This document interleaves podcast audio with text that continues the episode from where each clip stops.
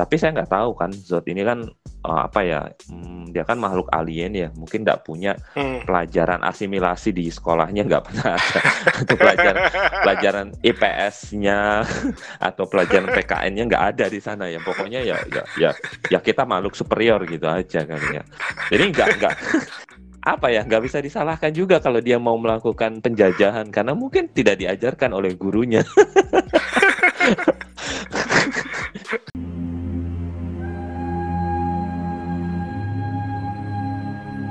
give the people an ideal to strive towards. They will race behind you. They will stumble. They will fall.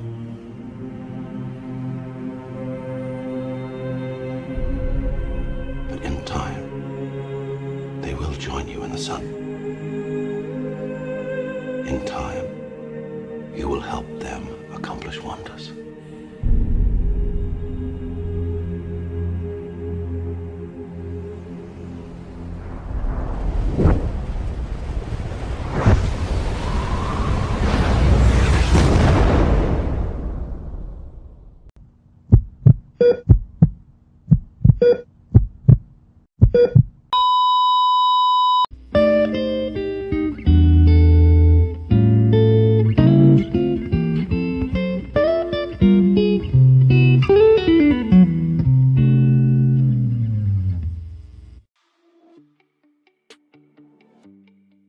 Hey hey hey. Selamat bergabung kembali di channel BB69. Apa kabar nih sobat BB69? Gimana kabar kalian setelah masuk mulai ke fase baru the new normal? Semoga semuanya berjalan dengan baik ya. Pada episode hari ini kita akan membahas sebuah film yang diangkat dari karakter yang sudah terkenal di seantero dunia sebuah karakter fiksi yang diciptakan oleh Jerry Siegel dan Joe Shuster dan kemunculan pertamanya pada tanggal 18 April 1938 di dalam Action Comic Number One. Dan sejak saat itu sampai sekarang nih, karakter ini sudah sering kali muncul di dalam komik, di novel, serial radio, serial televisi, dan film layar lebar. Karakter yang berasal dari planet Krypton ini mempunyai nama kelahirannya adalah Carl Earl dan adopted name-nya adalah Clark Joseph Kent. Siapa lagi nih kalau bukan nih karakter yang kita kenal dengan sebutan Superman, the Man of Steel. Nah, sekarang sudah bergabung dengan saya seorang teman kongko saya atau Teko BB69, uh, James, admin dari at Movies Flash ya. Halo James, apa kabar? Halo, halo, apa kabar? Halo semuanya yang dengar, sehat semua ya? Amin, kita harus tetap semangat ya. Siap. Lagi sibuk apa nih? Lagi sibuk apa? Um, sibuk apa ya? Kerjaan kemarin sih satu minggu ini sibuk uh, nyiapin laporan-laporan ya, laporan untuk uh, beberapa hal yang dibutuhkan begitu. Kemudian minggu-minggu ini kayaknya sudah agak kosong-kosong lagi untuk nyiapin lagi ke new normal yang yang mau masuk sepenuh hari seperti biasanya gitu aja sih. Oke, tapi tetap harus -hmm. positif ya pikirannya ya. Harus dong, siap dong. nah, pada kesempatan hari ini nih kita -hmm. akan bincang-bincang nih mengenai film Man of Steel. Nah, sebuah okay, film okay. Yeah. yang disutradarai oleh Zack Snyder dan dirilis pada tahun 2013. Nah, film Sip. ini ditulis oleh David S. Goyer dan dibintangi oleh Henry Cavill, Amy Adams, Michael Shannon, Kevin Costner, Diane Lane, Russell Crowe, dan masih banyak uh, bintang lainnya nih. Nah, udah pernah nonton berapa kali nih, Mas? Wah, uh, Man of Steel ya. Uh, mm -mm. Kalau gue sih jujur, aku sendiri sih Superman ini salah satu uh, superhero favorit dari kecil hmm.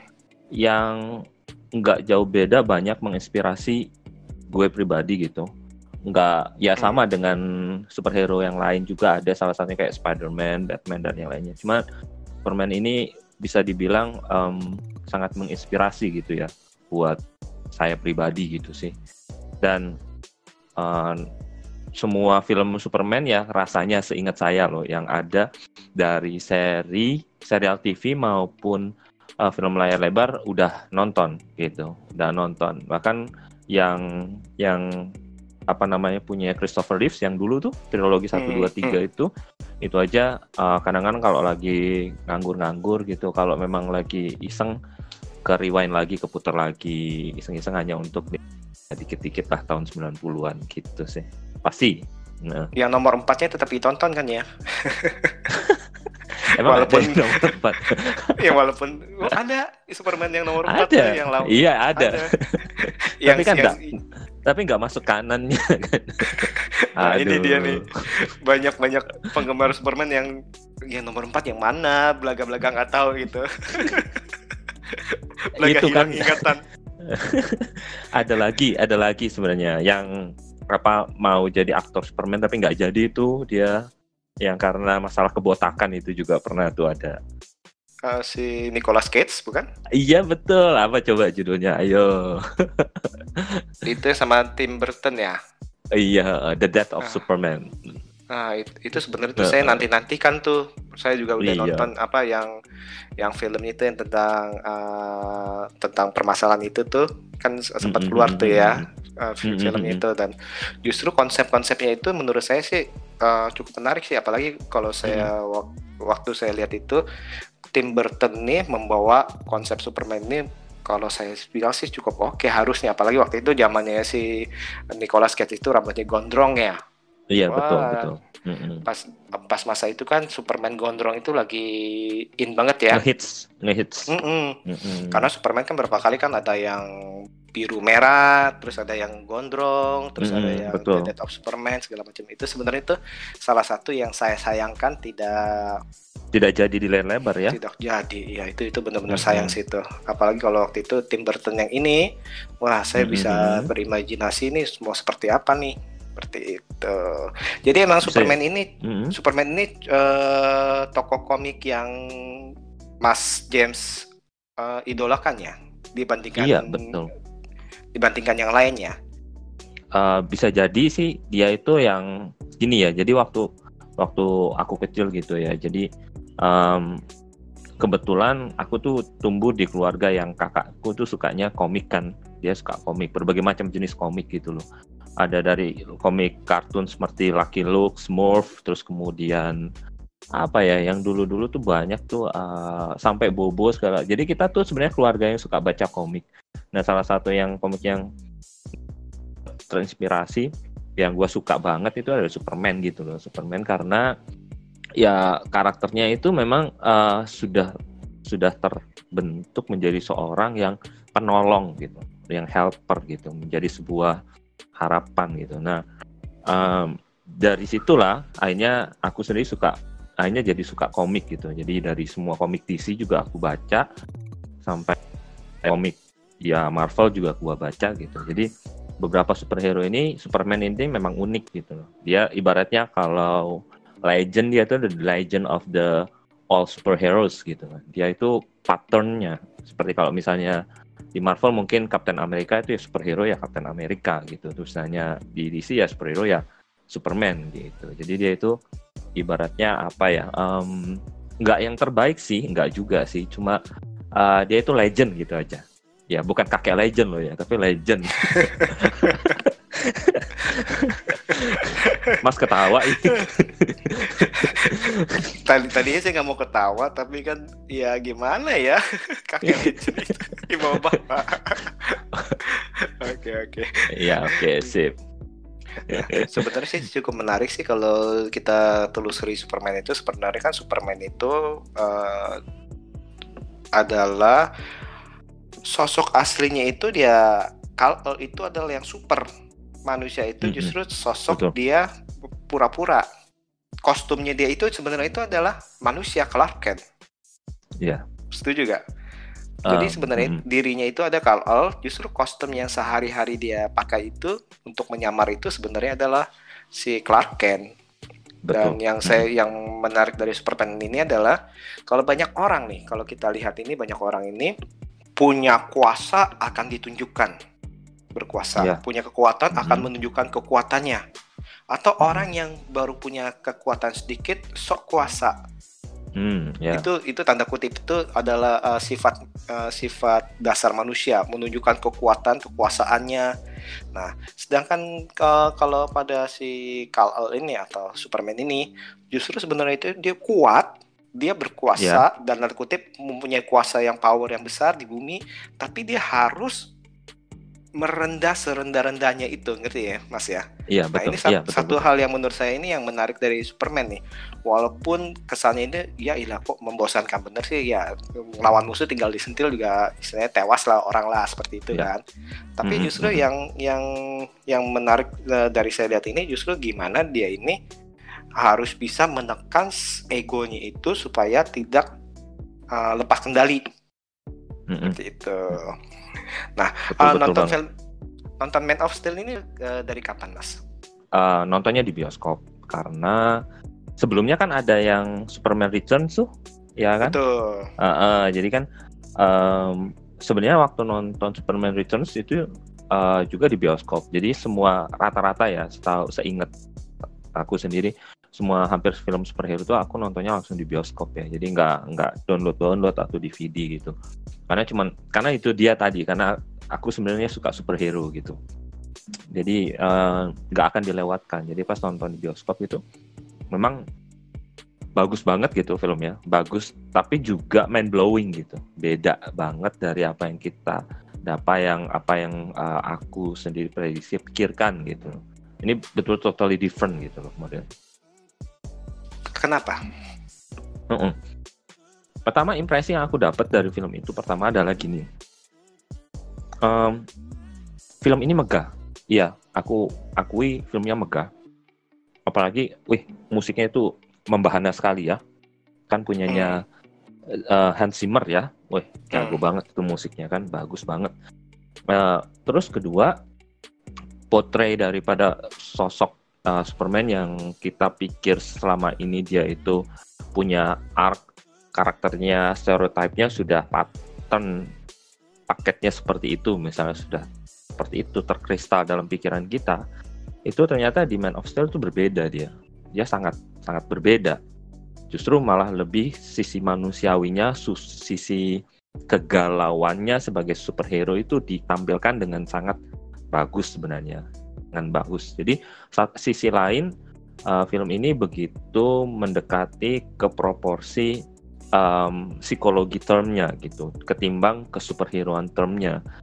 Kalau kita biasa pikir superhero atau Superman misalnya, contohnya dia itu kan selalu um, sudah jadi jagoan gitu loh, sudah jadi hmm. hebat. Yang kita tahu dia nggak pernah kelihatan galau dalam menghadapi keputusan masalah gitu. Paling-paling soal masalah cintanya sama Louis kan di Superman hmm. 1 2 3 aja problemnya cuma masalah cinta, tapi bagaimana dia bisa mengelola kekuatannya, bagaimana dia mengelola masa kecilnya, kehidupan kecilnya uh, menjadi berbeda di dalam kehidupan sehari-hari dengan masyarakat lain. Menyadari bahwa dia itu bukan bagian daripada masyarakat ini, tapi dia hmm. adalah alien atau orang yang punya kekuatan lebih ekstra dan dia sadar bahwa keluarganya di sana uh, mengalami musibah terus kemudian dia terasing di bumi ini itu sebenarnya suatu konflik yang kita semua hadapi gitu loh masalah masalahnya. Jadi pendekatan Man of Steel ini sebenarnya sangat-sangat otentik kepada generasi sekarang yang kesulitan hidup di di lingkungan sosial. Itu Mas. Terus yang kedua, aku lihat sendiri Man of Steel ini lebih actionnya lebih dapat gitu daripada action film-film sebelumnya ya. Bukan membandingkan, tapi kan CGI sudah bagus, kan cerita juga sudah bagus gitu, sudah apa namanya di layar IMAX misalnya sudah bagus. Jadi uh, bisa dibilang actionnya bagus, actionnya full packed gitu. Cuman memang ada sisi-sisi flawlessnya sih. Tapi ya dari itu semua kita bisa lihat, uh, aku sendiri bisa lihat Superman ini punya wajah yang baru, suatu bentuk baru dari Superman yang pernah kita kenal sebelumnya gitu. Gitu sih waktu perasaan waktu nonton gitu.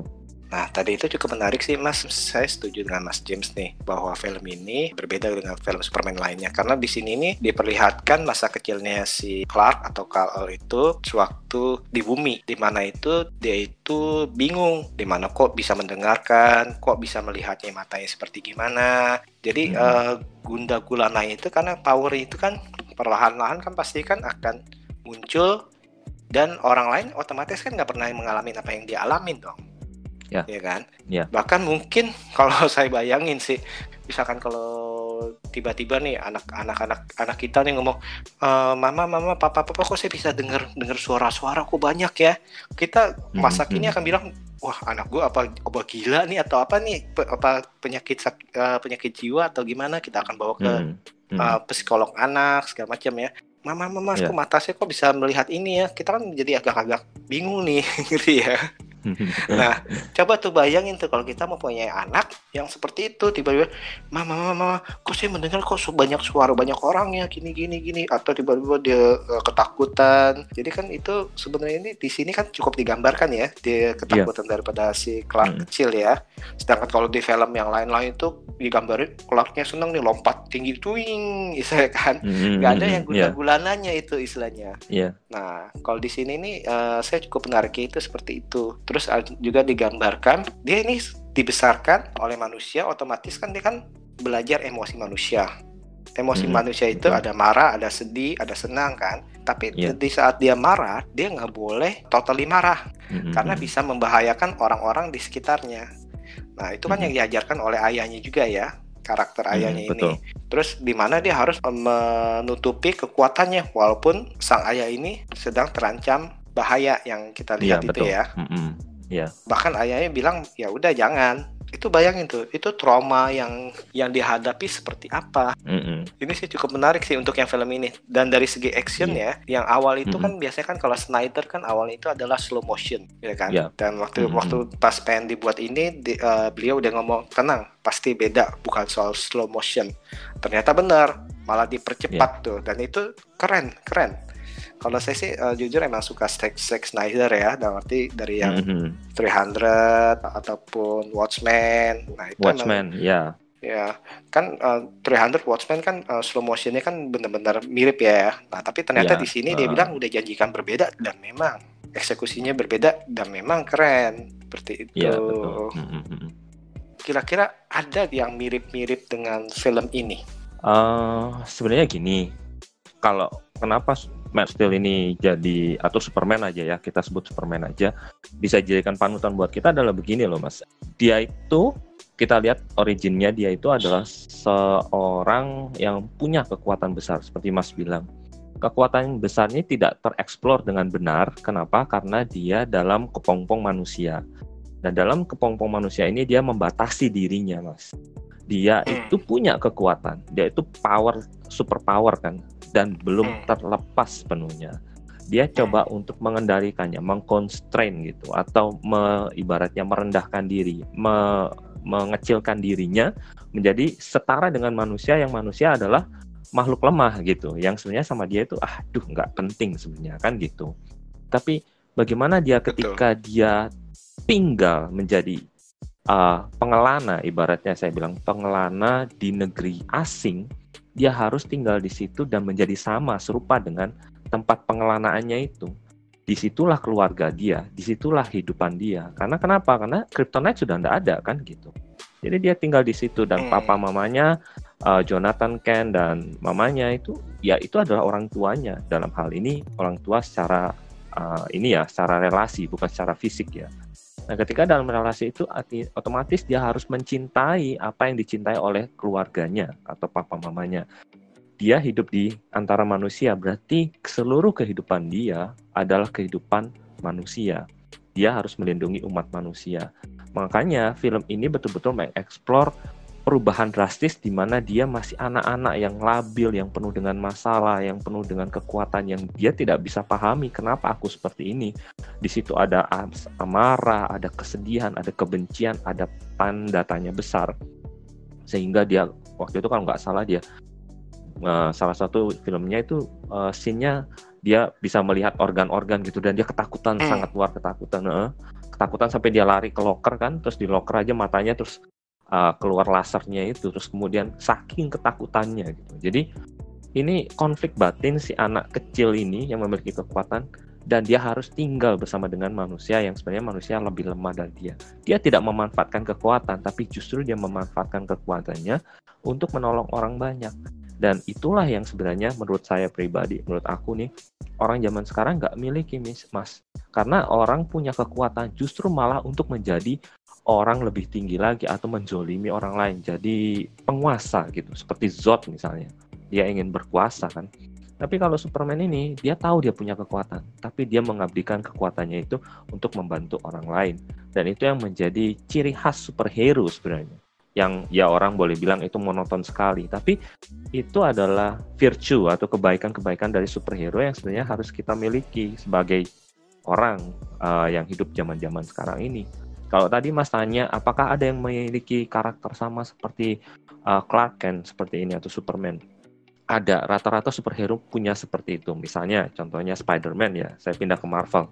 Spider-Man pun dia harus mengalami kesulitan masa kecilnya ketika ditinggal orang tuanya, ketika dia bertumbuh dalam didikan oleh pamannya, dan ketika dia punya kekuatan dan dia menyalahgunakan kekuatan sehingga pamannya meninggal, itu pun menjadi suatu pembelajaran buat dia untuk mengabdikan kekuatannya dengan penuh tanggung jawab gitu.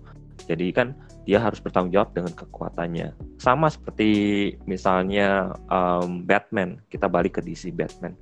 Batman uh, jadi superhero atau jadi orang hebat karena memiliki problem yang problemnya sebenarnya membuat dia menjadi dewasa, yaitu keting ditinggal mati kedua orang tuanya oleh karena kejahatan kriminalitas. Dan di situlah dia akhirnya mengabdikan hidupnya, pengertiannya, kemampuannya, kecanggihannya, kecerdasannya untuk memberantas kejahatan dan menjadi menjadi um, berarti bagi masyarakat. Nah, memang kelihatannya sangat-sangat apa ya klise gitu loh superhero itu. Tapi jujur saya sendiri itu adalah jiwa yang harus kita miliki sebenarnya. Bukan untuk jadi jagoan ya, bukan kelihatan dipuji atau cari subscriber banyak-banyak atau apa gitu. Tapi menurut saya sih uh, menjadi superhero itu adalah panggilan kita semua untuk menjadi berarti buat orang lain.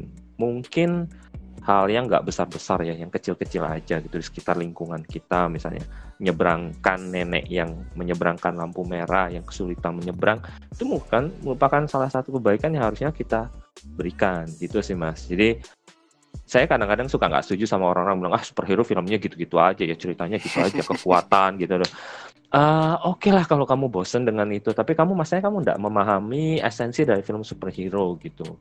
Bukan berarti yang film lain lebih bagus satu sutradara seperti itu bilang superhero itu film anak-anak film apa ya film rekreasi hiburan dan sebagainya. Nggak apa-apa. Bisa oke okay, karena kan setiap orang punya perspektif pandangannya masing-masing tapi bagi saya, superhero itu adalah suatu perjalanan spiritual seseorang untuk menjadi seorang yang lebih berarti, lebih bermanfaat. Itu sih mas. Gimana, setuju enggak? Hmm. Uh, saya setuju. Di satu sisi saya setuju sama Mas Jen. Di satu sisi saya setuju dengan sutradara senior yang bilang uh, film superhero yeah. sekarang ini seperti rekreasi, taman rekreasi. Uh -uh. Karena uh, untuk mengeksekusi film superhero itu sebuah tantangan. Di satu sisi, hmm. apakah uh, sang sutradara atau penulis naskah ingin hanya gembar-gembor, ledakan, aksi, full aksi tanpa cerita bermakna, atau di sisi lain hanya ingin berat-beratan dalam arti tanda kutip agar dianggap bermutu kita kita bahas karakternya aja. Yang akhirnya beberapa hmm. orang itu bosen seperti yang terjadi pada Superman Returns. Jujur pas awal saya nonton Superman Returns nih kesan pertama ya. saya sih pas awal saya nonton itu saya bosen saya nggak mm -hmm. suka ya, sama tuh setelah saya rewatch malah mm. saya dapat feelnya wah ternyata mm -hmm. ini bagus nih film dan saya tonton ulang tambah saya ingin tonton ulang lagi dan saya dapat mm. feelnya karena yeah. di film Superman Return pas awal saya nonton saya berharap bahwa ini adalah aksi full mm -hmm. nah, ternyata pas saya nonton itu ternyata uh, lebih ke drama drama di mana hmm, dia hmm. baru pulang dari pencarian planetnya, dia yeah. bertemu dengan Louis, Louisnya udah punya hubungan dengan yang lain dan lain-lain. Nah, hmm. Nah itu jadi saya dia harus harus bisa menerima tuh seperti itu. Dan yeah. Ya mungkin feelnya berbeda di saat saya pertama kali nonton. Nah, ini hal yang terjadi hmm. mungkin aja nih kalau untuk para sutradara penulis naskah superhero ini ya kadang-kadang itu agak terjebak nih, bingung nih, apakah full aksi, apakah harus berat seberat-beratnya, karakternya harus ditimbulkan, hmm. seperti itu. Nah, kayak uh, for example misalnya kayak Marvel, ada beberapa memang saya suka tuh dengan justru saya sukanya itu dengan tokoh daripada antagonisnya seperti oh, Black yeah. Panther itu justru saya sukanya itu dengan tokoh antagonisnya atau Dark Knight itu saya suka mm -hmm. uh, menelusuri dari Jokernya juga tuh nah mm -hmm. nah seperti itu nah yang tadi saya bilang itu uh, mungkin memang harus seimbang nih karena kalau cuman hanya crash boom bang hanya misalnya aksi tonjok-tonjokan pukul-pukulan ledakan-ledakan kita bilang misalkan kayak Bayhem lah ya itu mm-hmm. mungkin hanya hiburan semata memang yang dibilang oleh uh, sutradara senior tersebut benar yang nggak nggak mm-hmm. ada sesuatu yang baru nggak ada sesuatu yang bermakna dalam arti. Tapi misalkan kalau mm-hmm. kita telusuri, semua film pasti kok pasti bisa bahkan film maaf kata film dengan IMDb 4 point aja kadang-kadang saya mm-hmm. bisa ngelihat oh ini ada sisinya nih kita ternyata ini ada karakter ini ada yang bisa kita ambil nih nilai-nilainya nih seperti itu nah mm-hmm. pasti ada kok saya, saya saya setuju sih cuma ya saya berharap sih untuk ke depannya itu jangan terlalu ya kalau bisa itu sutradara lebih berani ngambil resiko supaya jangan hanya untuk popcorn movie aja. Karena hmm. kualitas kan uh, juga harus terjaga ya. Walaupun mm -hmm, uh, inti-intinya kan income-nya harus kembali. Itu soal duit Kalo, lagi kan. masa sih mau art film istilahnya kan? Masa sih saya iya. uh, mau art film kan itu kan agak agak susah. Dalam arti kalau agak susah akhirnya income-nya sedikit ya studio cancel hmm. untuk hmm. untuk selanjutnya kan. Iya betul. Nah, betul. nah tadi itu ada ada satu karakter yang yang menarik nih yang Mas sempat sebut nih, Jenderal Zod. Iya. Nah, kalau di film ini kan menurut saya sih antara jahat nggak jahat sih. Dia kan dia kan gini, planetnya hancur. Iya. Dia mm-hmm. dia ingin agar membuat spesiesnya gitu. selamat. Uh -uh, spesiesnya mm-hmm. selamat nih. Dia dia korbankan di misalnya planet lain karena sumber dayanya mm-hmm. itu dia perlukan. Mm-hmm. Nah, di satu sisi emang dia itu caranya jahat nih gitu ya. Mm-hmm, Tapi di sisi lain kan dia kan sebenarnya kan ingin supaya apa spesiesnya itu ya selamat. Nah kalau mm-hmm. kalau menurut Mas Mas James gimana? Iya. Jadi gini ya, uh, salah satu bentuk film postmodern saya bilang itu ada sesinya. Nanti kapan-kapan saya bahas di akun saya deh ya. Film postmodern itu tipikalnya begini loh mas. Dia tidak akan pernah menunjukkan siapa yang jahat, siapa yang baik. Dia hmm. tidak akan bikin uh, film itu uh, ada garis putih dan hitam itu kelihatan jelas di tengah-tengah. Mereka akan lebih suka memblend semua warna sehingga si penonton akan menilai sendiri berdasarkan kedewasaannya, berdasarkan uh, kemampuannya menganalisis, kemampuannya itu untuk menentukan siapa yang baik, siapa yang jahat. Nah, kembali lagi dalam karakter General Zod, saya pikir begini, ketika dia di planet waktu pertama kali film dimulai dia itu uh, memang planet Krypton dalam keadaan sekarat ya dying resource yang habis kemudian akan rusak hancur. Dan memang uh, si Jenderal Zod ini melakukan sebuah revolusi. Revolusi yaitu di mana dia akan menggulingkan pemerintahan lalu dia akan membuat planet yang baru menghi, meng, meninggali atau menghinggapi planet yang baru untuk dijadikan planet baru untuk Kryptonite gitu untuk Krypton masyarakat Krypton. Tapi masalahnya adalah kan di sini adalah dengan kekuatannya itu dia melakukannya dengan cara kekerasan sehingga pada akhir pertandingan waktu melawan Superman pun dia berkata apa? Kamu itu orang Krypton. Harusnya kamu di pihakku untuk membuat Krypton yang baru. Tapi kamu apa? Membela makhluk lemah seperti ini. Mereka bukan keluargaku. Akulah keluargamu. Akulah hmm. darah. Ibaratnya aku nih uh, aku nih adalah makhluk yang sama dengan kamu gitu. Dan kamu tuh bisa. Nah ibaratnya memang caranya kelihatannya kita manusia juga kan semua makhluk hidup kan ada kemampuan untuk bertahan hidup ya survivalnya itu. Tapi kan berarti uh, ketika kita dalam kondisi terdesak uh, dalam kesulitan survival kita insting survival kita terus kemudian mengalahkan rasional dan hati nurani kita kan gitu. Jadi misalnya uh, contoh aja kayak gini film-film zombie nih kadang suka kayak gitu. Ketika hmm, ada hmm, hmm. kita masuk di dalam suatu ruangan kita ada lima orang misalnya di dalam satu ruangan terus ada orang lain di sana ibu hamil misalnya ibu hamil lari-larian dikejar zombie. Dia gedor-gedor pintu kita. Pertanyaannya kan pilihannya menjadi dua. Kalau kita buka itu pintu untuk menyelamatkan ibu hamil itu misalnya, zombie masuk dan kita semua mati. Tapi Betul. kalau kita tidak, kita tutup, ibu itu mati dan anaknya. Iya kan? Hmm. Kita selamat lima orang. Hanya di sini konflik itu terjadi kan gitu, Mas seperti hmm. film film apa tuh? Train to Busan itu to kayak Busan. gitu modelnya. Hmm. cerita hmm. terus film tra yang waktu itu saya nonton yang Sandra Bullock itu uh, apa Bird Box? Eh apa sih? Bird ya Box, itu. Uh, uh, nah menyelamatkan orang dalam itu apa pilihannya? Nah kan gitu akhirnya. Jadi uh, hati nurani itulah yang menentukan siapa kamu. Nah dalam hal ini Superman menentukan hati nuraninya bukan seperti Zod tapi dia menentukan hati nuraninya menentukan pilihan untuk melindungi makhluk hidup yang ada di sekitar dia atau apa ya yang dia hidup bersama dengan dia saat itu gitu. Ta Jadi tapi ini kan di, menurut tapi saya kan di hmm? pesawat hmm? tapi kan di pesawat itu kan ada dan dalam tanda kutip itu uh, benih-benih Krypton ya, hmm. ya, tahu ya? Betul, iya betul. Benih berkam. Hmm. Nah, sebenarnya itu kalau pengen didebat apa bukannya si Kal-El yang jadi penjahat membunuh seluruh bangsanya yang tersisa di situ. Mm-mm. Betul.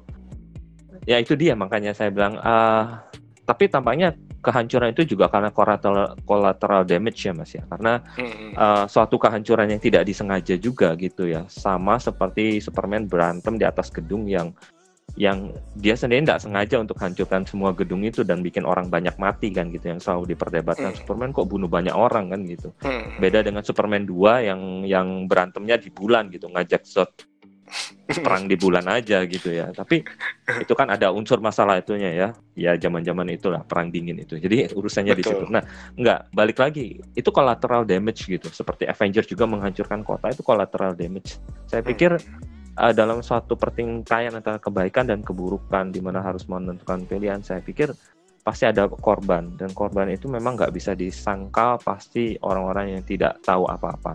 Dalam hal ini mungkin manusia bumi yang hancur oleh karena pertarungan mereka. Tapi dari satu sisi manusia kryptonite yang dibawa krypton yang dibawa oleh Zod yang juga hancur mati. Semua itu kan karena satu pilihan yang salah. Zod membawa apa mesin penghancur bumi itu penyedot sumber resource-nya itu ya. Terus kemudian apa namanya Superman harus membela diri juga melawan itu semua. Jadi di dalam perang mas balik lagi kita ke Hexo ya kemarin ya. Di dalam perang pasti banyak orang yang menderita banyak orang yang jadi korban. Dan itu nggak bisa betul. dipisahkan gitu mas. Betul. Jadi tetap aja Zod yang jahat ya saya sih saya sih tidak merasa itu penjahat mas sama kayak si Thanos itu Thanos juga nggak jahat-jahat juga sih pikirnya tapi ya mungkin okay. beda Caranya. paham aja gitu Betul, beda, beda pengertian paham. aja ha. di mana Superman itu pakai cara manusia sedangkan Zod mungkin tidak punya pikiran manusia gitu nggak punya hati nurani karena memang di Krypton tidak ada hati nurani tapi di dunia kan beda selisih pandangan gitu mas dan itu akhirnya jadi perang gitu di sini bisa gak Zod menyamakan ibaratnya loh saya ini manusia mm -hmm. sedangkan manusia itu adalah hewan yang harus saya makan mm -hmm. yang nanti akhirnya kayak misalnya kerbau apa apa ya atau tumbuhan mm -hmm. yang harus saya tebangin untuk buat rumah ya itu memang saya ini di atas mereka mm -hmm. dan saya ini butuh untuk untuk survive saya ya harus korbanin baik itu hewan atau tumbuhan karena saya manusia mm -hmm. bisa gak disamakan seperti itu saya rasa bisa saya rasa bisa kenapa karena um, sekali lagi bahwa manusia itu kan punya manusia dan makhluk di muka bumi yang yang ibaratnya Tuhan sudah ciptakan pasti punya unsur survival itu. Nah, survival itu memang dengan berbagai macam cara. Juga uh, dalam hal ini misalnya dia mau makan kambing dalam arti ya dia saat ini mau misalnya menganggap manusia itu seperti kambing atau hewan untuk diburu. Toh ketika kita memburu hewan pun hewan punya hak untuk membela diri bukan?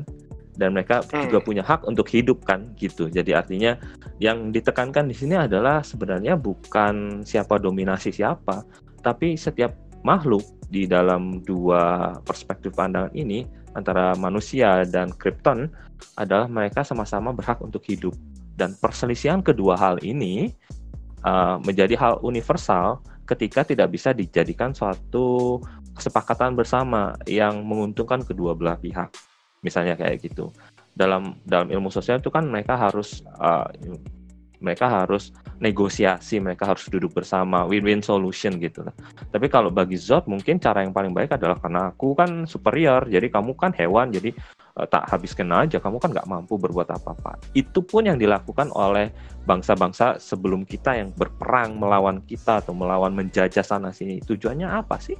Tujuannya untuk merebutkan mendominasi. Pokoknya aku gitu. Ketika egoismenya lebih tinggi daripada nuraninya daripada persamaan derajat daripada kesetaraan dengan orang lain itulah yang akibatnya membuat membutakan zot meskipun tujuannya saya pikir tujuannya baik mas tujuannya baik kita akan melakukan hal yang sama gitu kalau saya akan nanya agak personal nih mas hmm.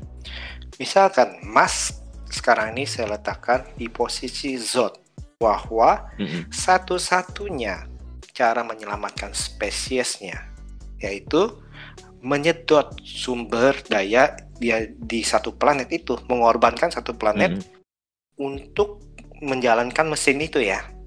Jadi hmm. supaya keturunan-keturunan spesies yang ada di mesin itu bisa berlangsung. Nah, hmm. apa yang Mas uh, akan lakukan? Apakah Mas bisa ya udah saya korbanin aja yang jadi saya tinggal sisa sisanya misalnya bertiga atau berempat ya itu itu aja atau Mas hmm. akan korbankan uh, sebuah planet baru yang Mas gak kenal sama sekali, Mas saya tanda kutip ya ya siapa? Ini makhluk asing misalnya seperti itu.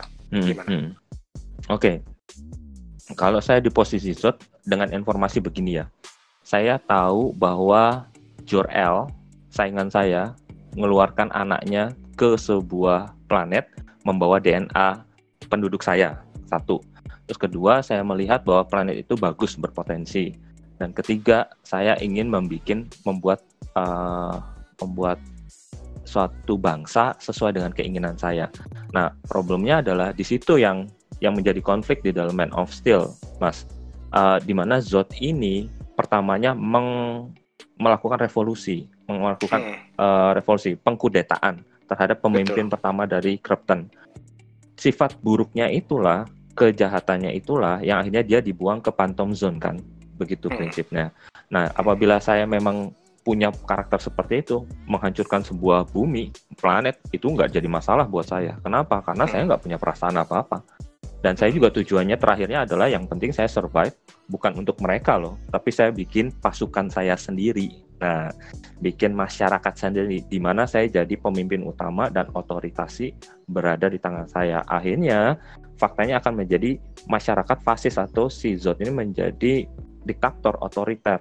Nah, hmm. problemnya di situ Mas. Ketika Zod ini posisinya adalah sebagai seorang pengelana dan berharap untuk menyelamatkan bumi, eh menyelamatkan bangsa dia, tanpa ada pikiran untuk misalnya dalam tanda kutip mengkudeta, melakukan, membuat pasukannya sendiri, menghabiskan sumber daya alam. Saya berpikir sebenarnya masih ada cara lain, Mas, yaitu asimilasi.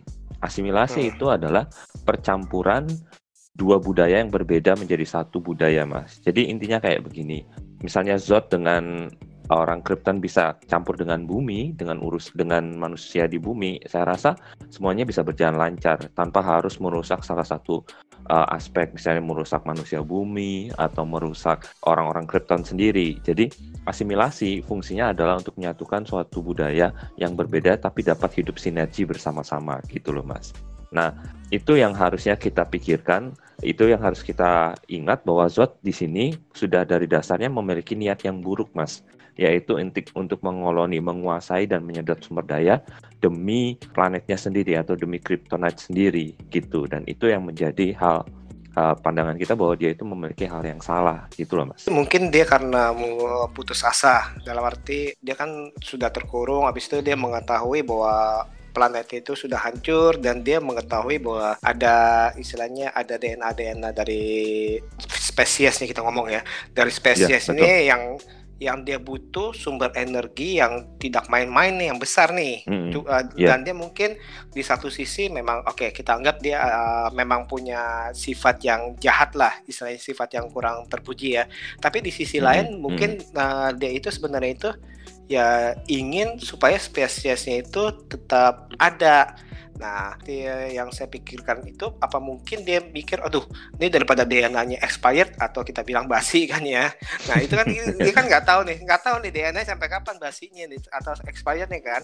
Dan misalnya seperti yang yang saya bilang itu kan mungkin aja dia menganggap spesies lain itu ya karena karena bukan anda bukan spesies saya ya ya udah saya nggak peduli yang saya pedulikan hmm, adalah spesies yeah. saya ini saya tinggal bertiga hmm. ini doang nih dalam arti hmm. uh, hmm. ya saya harus selamatkan spesies saya karena nggak mungkin lagi nih tanpa tanpa mengorbankan kalian uh, mungkin pikiran pendeknya gitu tapi nah hmm, itu yeah. dia yang yang tadi Mas James bilang adalah asimilasi kenapa nih kenapa dia nggak bersabar dia kan tahu nih si Carl sudah bisa hidup nih di dunia nih di yeah. bumi istilahnya harusnya kan dia kan berpikiran terbuka bahwa ah apa mungkin aja nih kita bisa berkomunikasi nih istilahnya dengan Betul. dengan ma alien dalam arti bagi dia kan alien ya dengan makhluk yeah, bumi betul. Ha. Uh. yang mungkin mungkin aja teknologinya itu eh, nggak uh, sehebat uh, spesies kami tapi uh, mungkin aja saya bisa ngajarin mereka untuk dengan cepat mm -hmm. uh, agar teknologinya mm -hmm. maju untuk mm -hmm. melestarikan DNA daripada orang-orang Clifton uh, tersebut sih. Saya sih setuju mm -hmm. dengan Mas, Mas James yang bilang asimilasi dan itu memang yeah. mungkin di satu sisi dia jahat, di satu sisi dia mungkin desperate kali ya. Iya. Tapi kalau saya pikir gini Mas, mungkin pikirannya adalah kalau asimilasi misalnya ya, asimilasi itu butuh hmm. waktu cukup lama loh mas. Misalnya kayak hmm. asimilasi percampuran budaya antara orang Korea dengan orang Jepang. Itu pada dasarnya dulunya adalah suatu peperangan dulu kan mas gitu. Nah hmm. perang ini yang kemudian akhirnya menjadi sebuah asimilasi. Sama seperti Indonesia dulu juga kan pernah perang dengan India. Lalu kita kedatangan bangsa asing seperti dari Persia jadi kita punya asimilasi budaya seperti agama Buddha, agama Hindu kan gitu. Jadi memang asimilasi itu butuh waktu lama dan pengertian terhadap budaya masing-masing dan saling menghargai, respectfulnya gitu loh mas. Tapi saya rasa sih dalam hal ini si Zod gak mikir soal itu ya mas ya. Saya pikir dia itu sama seperti para apa diktator zaman dulu yang yang suka menjajah negeri orang demi ngambil sumber daya alamnya. Saya pikir sih Zod uh, jeleknya di situ gitu. Tapi kalau secara hmm. logika, hmm. secara secara logika, secara pandangan apa yang dia lakukan memang bisa disebut act of survival gitu. Dan dan itu nggak ada yang salah dengan hal itu. Cuman ya itu tadi kesalahannya adalah dia tidak bisa menghargai menghargai apa ya uh, budaya lain atau planet lain yang dia harus duduki gitu gitu sih mas nah kalau balik ke pertanyaan saya misalkan kalau mas sebagai Zod nih uh, hmm. apakah mas akan melakukan hal yang sama yang dia lakukan uh, di film hmm. itu atau hmm. mas akan mencoba bersabar Ya, kalau saya pribadi saya lebih suka berasimilasi, Mas. Kenapa? Karena asimilasi, iya. Karena asimilasi gini, asimilasi itu kan menjadi satu bagian dari pro, uh, suatu host yang baru.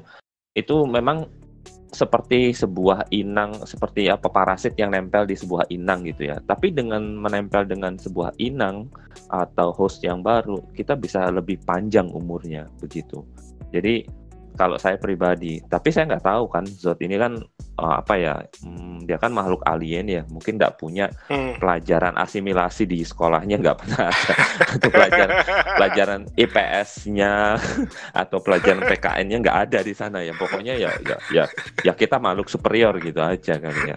Jadi nggak nggak apa ya nggak bisa disalahkan juga kalau dia mau melakukan penjajahan karena mungkin tidak diajarkan oleh gurunya kalau kita kan diajarin sama PPKN ya Pancasila sampai iya. sampai kita dari dari apa dari SD sampai kuliah kita uh, Pancasila PPKN dapat terus ya. iya, PPKN K itu ya. Pendidikan apa pendidikan kewarganegaraan kryptonite kan gitu ya. boleh boleh boleh boleh. Aduh. Ya, iya, gitu iya. sih mas. Mm -mm. Hmm. Tapi sih emang uh, seperti tadi Mas James bilang itu memang kadang-kadang itu tadi itu mungkin aja dia kita kalau secara berpikir kalau kita sudah kehilangan seluruh planet eh, seluruh planet kita spesies kita ya otomatis kita kan uh, mungkin aja berpikiran tidak panjang ya. Uh, ya, dan uh, memang itu sense of survivalnya itu uh, memang otomatis kita ber, uh, akan berusaha untuk uh, secepat mungkin untuk beradaptasi dan untuk survive, bener ya? Iya betul, mm -mm, betul betul. Hmm. Oke oke menarik mm. sih nih. Nah, sekarang ini misalkan kalau tadi kan kita udah ngomongin banyak-banyak kelebihan tuh dari dari dibahas tentang uh, film ini membahas yeah. mengenai masa lalunya Superman tuh waktu kecil ini mm-hmm. dibandingkan dengan film-film Superman sebelumnya itu di mana yeah. kalau Superman sebelumnya itu dengan gampang aja nih oh waktu kecil dia tinggal lompat-lompat tuh yang twing twing wah angkat angkat mm-hmm. apa angkat angkat uh, mobil tapi dia nggak nggak diperlihatkan uh, konflik secara uh, batinnya daripada iya, Superman yeah, uh, uh, daripada Clark Kent waktu kecil karena dia kan merasa aneh segala macam ya. Nah itu kan kelebihan yang kemarin kita uh, yang yang tadi kita sudah ngomongin nih ya kan. Nah uh, kalau secara kekurangan ada gak film ini atau perfect menurut Mas? Uh, menurut saya semua film pasti ada kekurangannya ya, khusus juga film Superman ini Man of Steel. Uh, kekurangannya itu sebenarnya ada dari aspek plotnya sih mas. Plotnya itu hmm. apa ya? Semacam kayak terburu-buru gitu modelnya.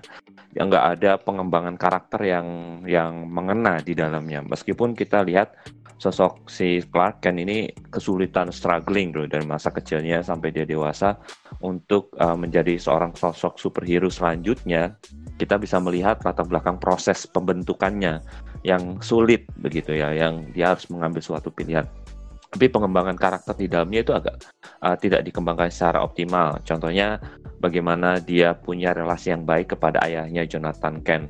Kalau kita tahu kan Jonathan Kent itu orangnya yang bijaksana gitu ya, orang hmm, yang hmm. yang independen, orang yang ibaratnya uh, uh, sangat wise gitu ya. Jadi karena dia ditumbuhkan di keluarga Jonathan Kent ini yang punya unsur humanity yang tinggi, kemudian unsur kasih sayang yang tinggi, hal-hal yang baik dia dapatkan pertumbuhan apa namanya moralnya itu dari Jonathan Kent dan itu tidak terlalu diekspos dengan baik. Misalnya ada beberapa hal nasihat-nasihat yang berkata bahwa Superman atau si Clark ini jangan sampai menunjukkan kekuatannya uh, karena dunia belum bisa menerima dia. Lebih baik orang mati daripada dia kelihatan kekuatannya ditunjukkan di depan umum. Hal-hal seperti itu yang yang saya pikir perlu di, dijelaskan lagi di dalam film itu yang tidak sampai dijelaskan dan itu membuat tanda tanya besar. Kenapa? Karena di dalam arc Superman, dalam legenda Superman, Jonathan Kent lah, ayahnya inilah yang selalu menghibur dia, yang selalu hmm. menjadi sumber jawaban, yang selalu menjadi apa inspirasi dia dalam melakukan tindakan selain mamanya Martha Kent ya. Jadi hal-hal ini yang perlu kita kembalikan ke restorasi bahwa papanya ini haruslah tipikal orang yang bijaksana karena di situlah dia belajar menjadi manusia yaitu dari pendidikan ayahnya yang di bumi ini Jonathan Kent. Itu mas. Jadi pengembangan karakternya satu di situ. Terus yang kedua adalah tentang masalah baku hantam mas ya. Baku hantamnya Superman hmm. ini brutal sekali gitu ya. Jauh sekali dari pandangan kita. Uh, kita bisa mikir kemarin uh, film-film dulu Superman kalau misalnya mau berantem aja uh, harus mikir-mikir tentang keselamatan manusia. Jadi dia mau berkorban hmm. apa pun sama manusia jangan sampai terluka. Di Superman 2 aja waktu uh, yang Zod datang ke bumi itu aja berantemnya sampai diajak sampai ke bulan gitu ya, sampai jangan hmm. merusak bumi gitu ya. Dan di sini kita bisa melihat bahwa film ini memang terlalu mengeksplor, terlalu mengedepankan brutal brutalisme pertarungan makhluk super gitu ya, ibaratnya terlalu ngebrol kalau kalau apa tuh WWF itu apa sih namanya uh, ngebrol gitu ya terlalu bak buk gitu aduh kayak preman-preman lah preman alien semua. Tapi kayak Dragon Ball Z. Nah betul ke Dragon Ball Z. Nah ngomong Dragon Ball Z itu mas ternyata yang salah satu uh, salah satu kreator storyboardnya pengatur visual pertarungannya itu ternyata orang Jepang mas. Jadi dia itu dia oh, ya? pernah bilang gini, uh, uh, pernah bilang ini suatu kesempatan buat saya bisa bikin film cerita anim, bentuk anim begitu di film Amerika gitu. Jadi kayaknya oh, sengaja dieksplor okay. sangat uh, uh, sangat luar biasa gitu. Nah itu tapi menarik juga. Kenapa? Karena pertarungan yang hancur-hancuran seperti itu dengan korban nyawa yang banyak itu ternyata sebenarnya dijema, di, dijelaskan kembali di Batman versus Superman di mana itu menjadi alasan si Batman merasa tidak suka sama Superman karena dia alien yang sangat berbahaya dan itu sebenarnya bagus sekali diterjemahkan di kemudian hari karena memang pada waktu itu Batman Superman belum ada maka banyak orang tidak suka dengan adegan pertarungannya Superman ini yang brutal ini gitu ya tapi setelah kalau kita pandang ke depan sini itu menjadi make sense gitu masuk akal karena itu rencananya Snyder gitu ya kan. Jadi Nah, itu dia tuh antara dua tuh. Apakah si Snyder memang sudah setahu saya sih memang dia itu sudah mempersiapkan mungkin uh, enam film atau tri minimal trilogi kan ya dan mm -hmm. dia itu pasti udah memikirkan jalan ceritanya nih dari uh, sub, uh, Man of Steel Batman versus Superman dan Justice League. Nah mungkin aja itu itu kan jadi satu arc yang nyambung tuh. Itu kenapa sudah dipersiapkan. Tapi ada beberapa orang bilang ah itu mah uh, ditambel aja tuh karena karena banyak yang protes akhirnya ditambel. Tapi kalau menurut saya sih uh, ini justru kenapa untuk membuat trilogi ini adalah lebih baik itu penulis dan sutradaranya itu dari awal sampai habis itu harus sama supaya punya visi yang sama jadi nggak belok-belok karena kalau misalkan kalau visinya belok-belok itu sepertinya agak lebih sulit ya. Misalnya Mas James Mas James sudah mempunyai pikiran bahwa saya akan membawa uh, art ini seperti A B C A B dan C ternyata yeah, pas uh, Mas udah jalanin A terus yang B itu Mas uh, berbeda visi dengan share Mas diganti yeah, betul. oleh saya, mm -hmm. saya mm -hmm. serahkan naskah B itu dengan naskah yang plek-plek sama persis, belum tentu saya mempunyai visi yang sama. Eksekusinya sama. Mm-hmm. Betul. Betul. bahkan dari pengambilan kameranya, pengambilan angle-nya, atau bahkan ceritanya, pengembangan karakternya itu pasti feel-nya berbeda. Betul. Bener ya? Yeah. Nah itu sih mungkin uh, ini yang terjadi pada yang Justice League yang terakhir hmm, itu ya. Iya, betul, Mungkin betul. akhirnya seperti itu sih itu. Itu yang agak disayangkan sih. Tapi kita berharap nih, semoga sih tidak terlalu over expected ya, yeah. tidak terlalu berharap tinggi sih. Yang justru saya ini dengan dikeluarkannya uh, Snyder Cut mm -hmm, Justice League nih. Mm -hmm. Jujur saya agak khawatir. Kenapa? Karena sepertinya saya sudah terlalu over sih over expected tuh ya. Terlalu berekspektasi yeah, tinggi. Kalau mm -hmm. saya pribadi nih jadi takutnya itu malah jadi bumerang hmm. nih karena kalau itu justru berbahaya hmm. dikala kita menonton Justice League yang kemarin itu padahal kita udah menurunkan ekspektasi kita nih oh ya udah yeah. ini udah ganti ini yeah. udah ganti bukan Snyder nih yeah. jadi pasti kita udah berhak mendapatkan sesuatu tontonan yang uh, berbeda visi daripada yang dua film sebelumnya apalagi kita yeah, udah lihat track recordnya si Whedon seperti apa jadi kita akan mendapatkan santapan seperti apa kita sudah siap nih tapi kalau yang ya, betul. yang nan nanti si Snyder ini justru saya pribadi agak takut nih takut bukan takut nggak percaya tapi saya takut kalau saya terlalu berekspektasi tinggi mm -hmm. sebagus apa pun takutnya itu di bawah ekspektasi kita nih yeah. mm -hmm. betul betul Iya sih, problemnya seperti itu mas. Jadi uh, kita kan sudah ibaratnya gini, para fans ini sudah memperjuangkan selama dua tahun kalau salah tiga tahun ya hmm. untuk rilis Snyder Cut itu ya, dan kita berharap hasilnya itu sesuai dengan yang diinginkan karena kita menganggap uh, ada konflik antara Warner Bros. terus hmm. kemudian ada uh, sutradara baru yang yang meneruskannya begitu ya, dan berharap memang sesuai dengan visinya Snyder. Cuma pertanyaannya sekarang adalah kalau memang visi, kalau memang uh, Snyder Cut ini dirilis, apakah itu menjadi jaminan saga Superman ini, Justice League ini berjalan lancar kemudian hari atau justru sebaliknya hanya sekedar ya mengambil keuntungan lagi bagi apa namanya studio seperti betul, itu. Betul, betul, betul, hmm. betul. Nah itulah yang tadi saya bilang itu konflik batin juga sih. nah, oke, okay. nah itu kan tadi kan kekurangan-kekurangan yang Mas James rasakan di film ini. Nah sekarang ini uh, pesan apa yang Mas James dapatkan dari film Man of Steel ini? Iya, pesan yang saya bisa dapat dari film ini itu adalah uh, bagaimana kita bisa uh, mengelola kekuatan kita untuk sesuatu yang baik begitu mas. Kita tahu bahwa Kent ini adalah alien yang punya kekuatan luar biasa, lebih daripada manusia pada umumnya.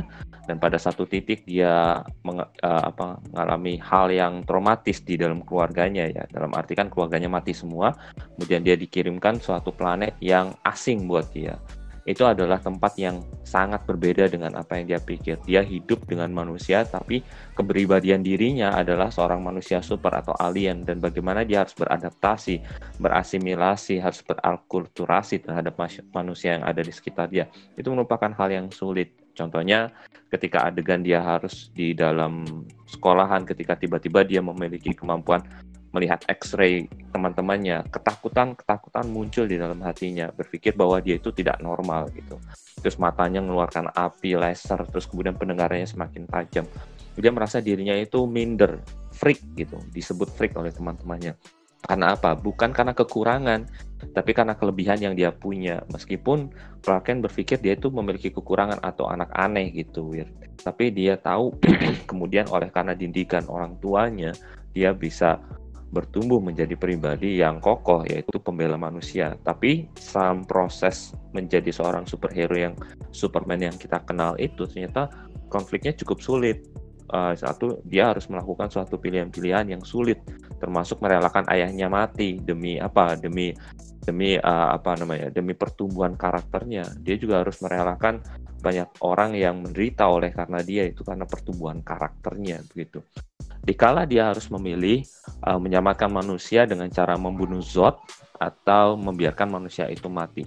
Itu hati nuraninya yang berbicara, Mas. Jadi dia bertumbuh di dalam moral manusia dan dia harus mengambil pilihan menyelamatkan makhluk yang lemah di depannya, manusia ini atau dia menjadi sama serupa dengan Zod. Dan itulah Mas yang membuat kita hari-hari ini harus berpikir kita mungkin punya kekuatan hebat, punya kekuatan super, atau kita mungkin nggak super seperti Superman, tapi pintar uh, bahasa Inggris misalnya, pintar komunikasi, pintar bikin uh, konten YouTube, atau bisa bikin um, apa namanya kreativitas-kreativitas yang lain yang luar biasa.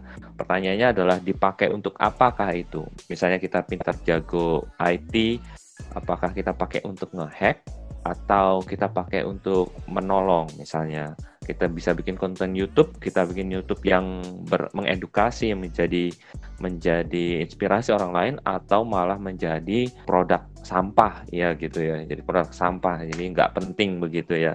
Jadi gitu mas, jadi masalahnya uh, itu merupakan pilihan gitu. Nah Superman mengambil suatu pilihan yang tepat, yaitu mengaplikasikan kekuatan dia, kelebihannya dia untuk membantu orang banyak.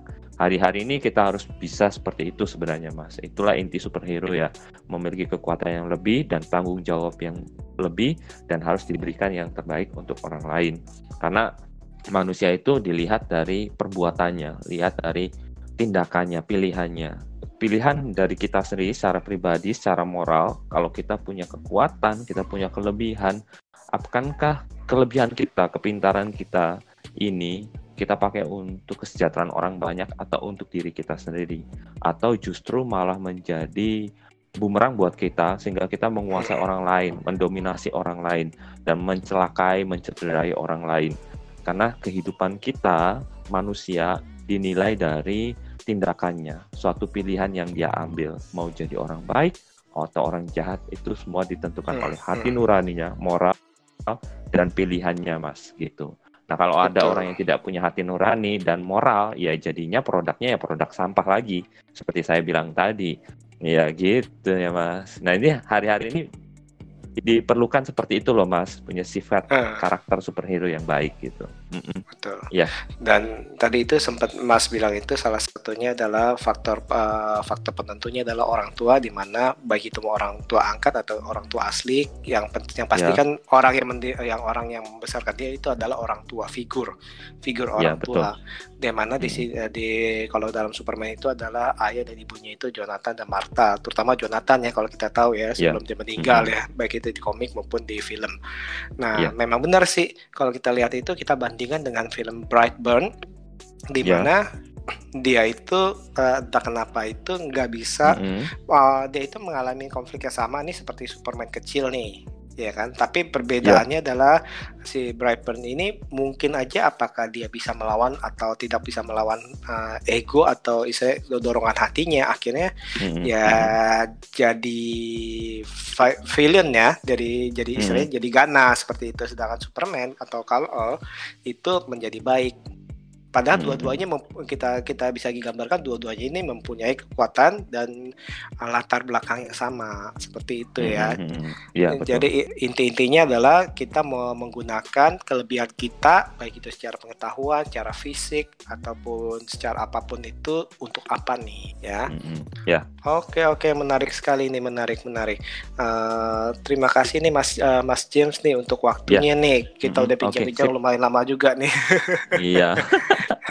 nah, nah oh ya Mas Jeff, misalkan yeah. kalau ingin melihat-lihat nih review film atau pengetahuan-pengetahuan yang Mas berikan nih mengenai dunia perfilman, mm -hmm. itu bisa bisa lihat di mana? Iya, jadi uh, teman-teman uh, para pendengar setia dari BBN69 bisa join atau bisa kunjung-kunjung ke akun saya nih. Jadi akun saya adalah akun yang mereview film, terus saya juga di dalamnya mengas apa memberikan seperti term-term film gitu ya. Terus kemudian ada ya informasi yang saya suka untuk share di dalamnya. Uh, kalian semua bisa kunjungi di akun Instagram saya di movie.splash.id atau cari aja dengan ketik namanya Move Splash. Nanti ada icon kamera warnanya pink gitu ya. Jadi bukan Blackpink ya. bukan Blackpink ya, tapi yang warnanya pink gitu. Bisa join nge-DM saya atau uh, nulis komentar di dalamnya minta tak direviewkan film atau sebagainya gitu. Oke, terima kasih terima kasih banget nih Mas James ya. Ya. Ya. Baik, terima kasih untuk para sobat BB69 untuk mendengarkan episode kali ini dan jangan lupa mendengarkan episode-episode selanjutnya tentunya ini dengan tema dan topik yang berbeda lagi. Oke, okay, see you. See you.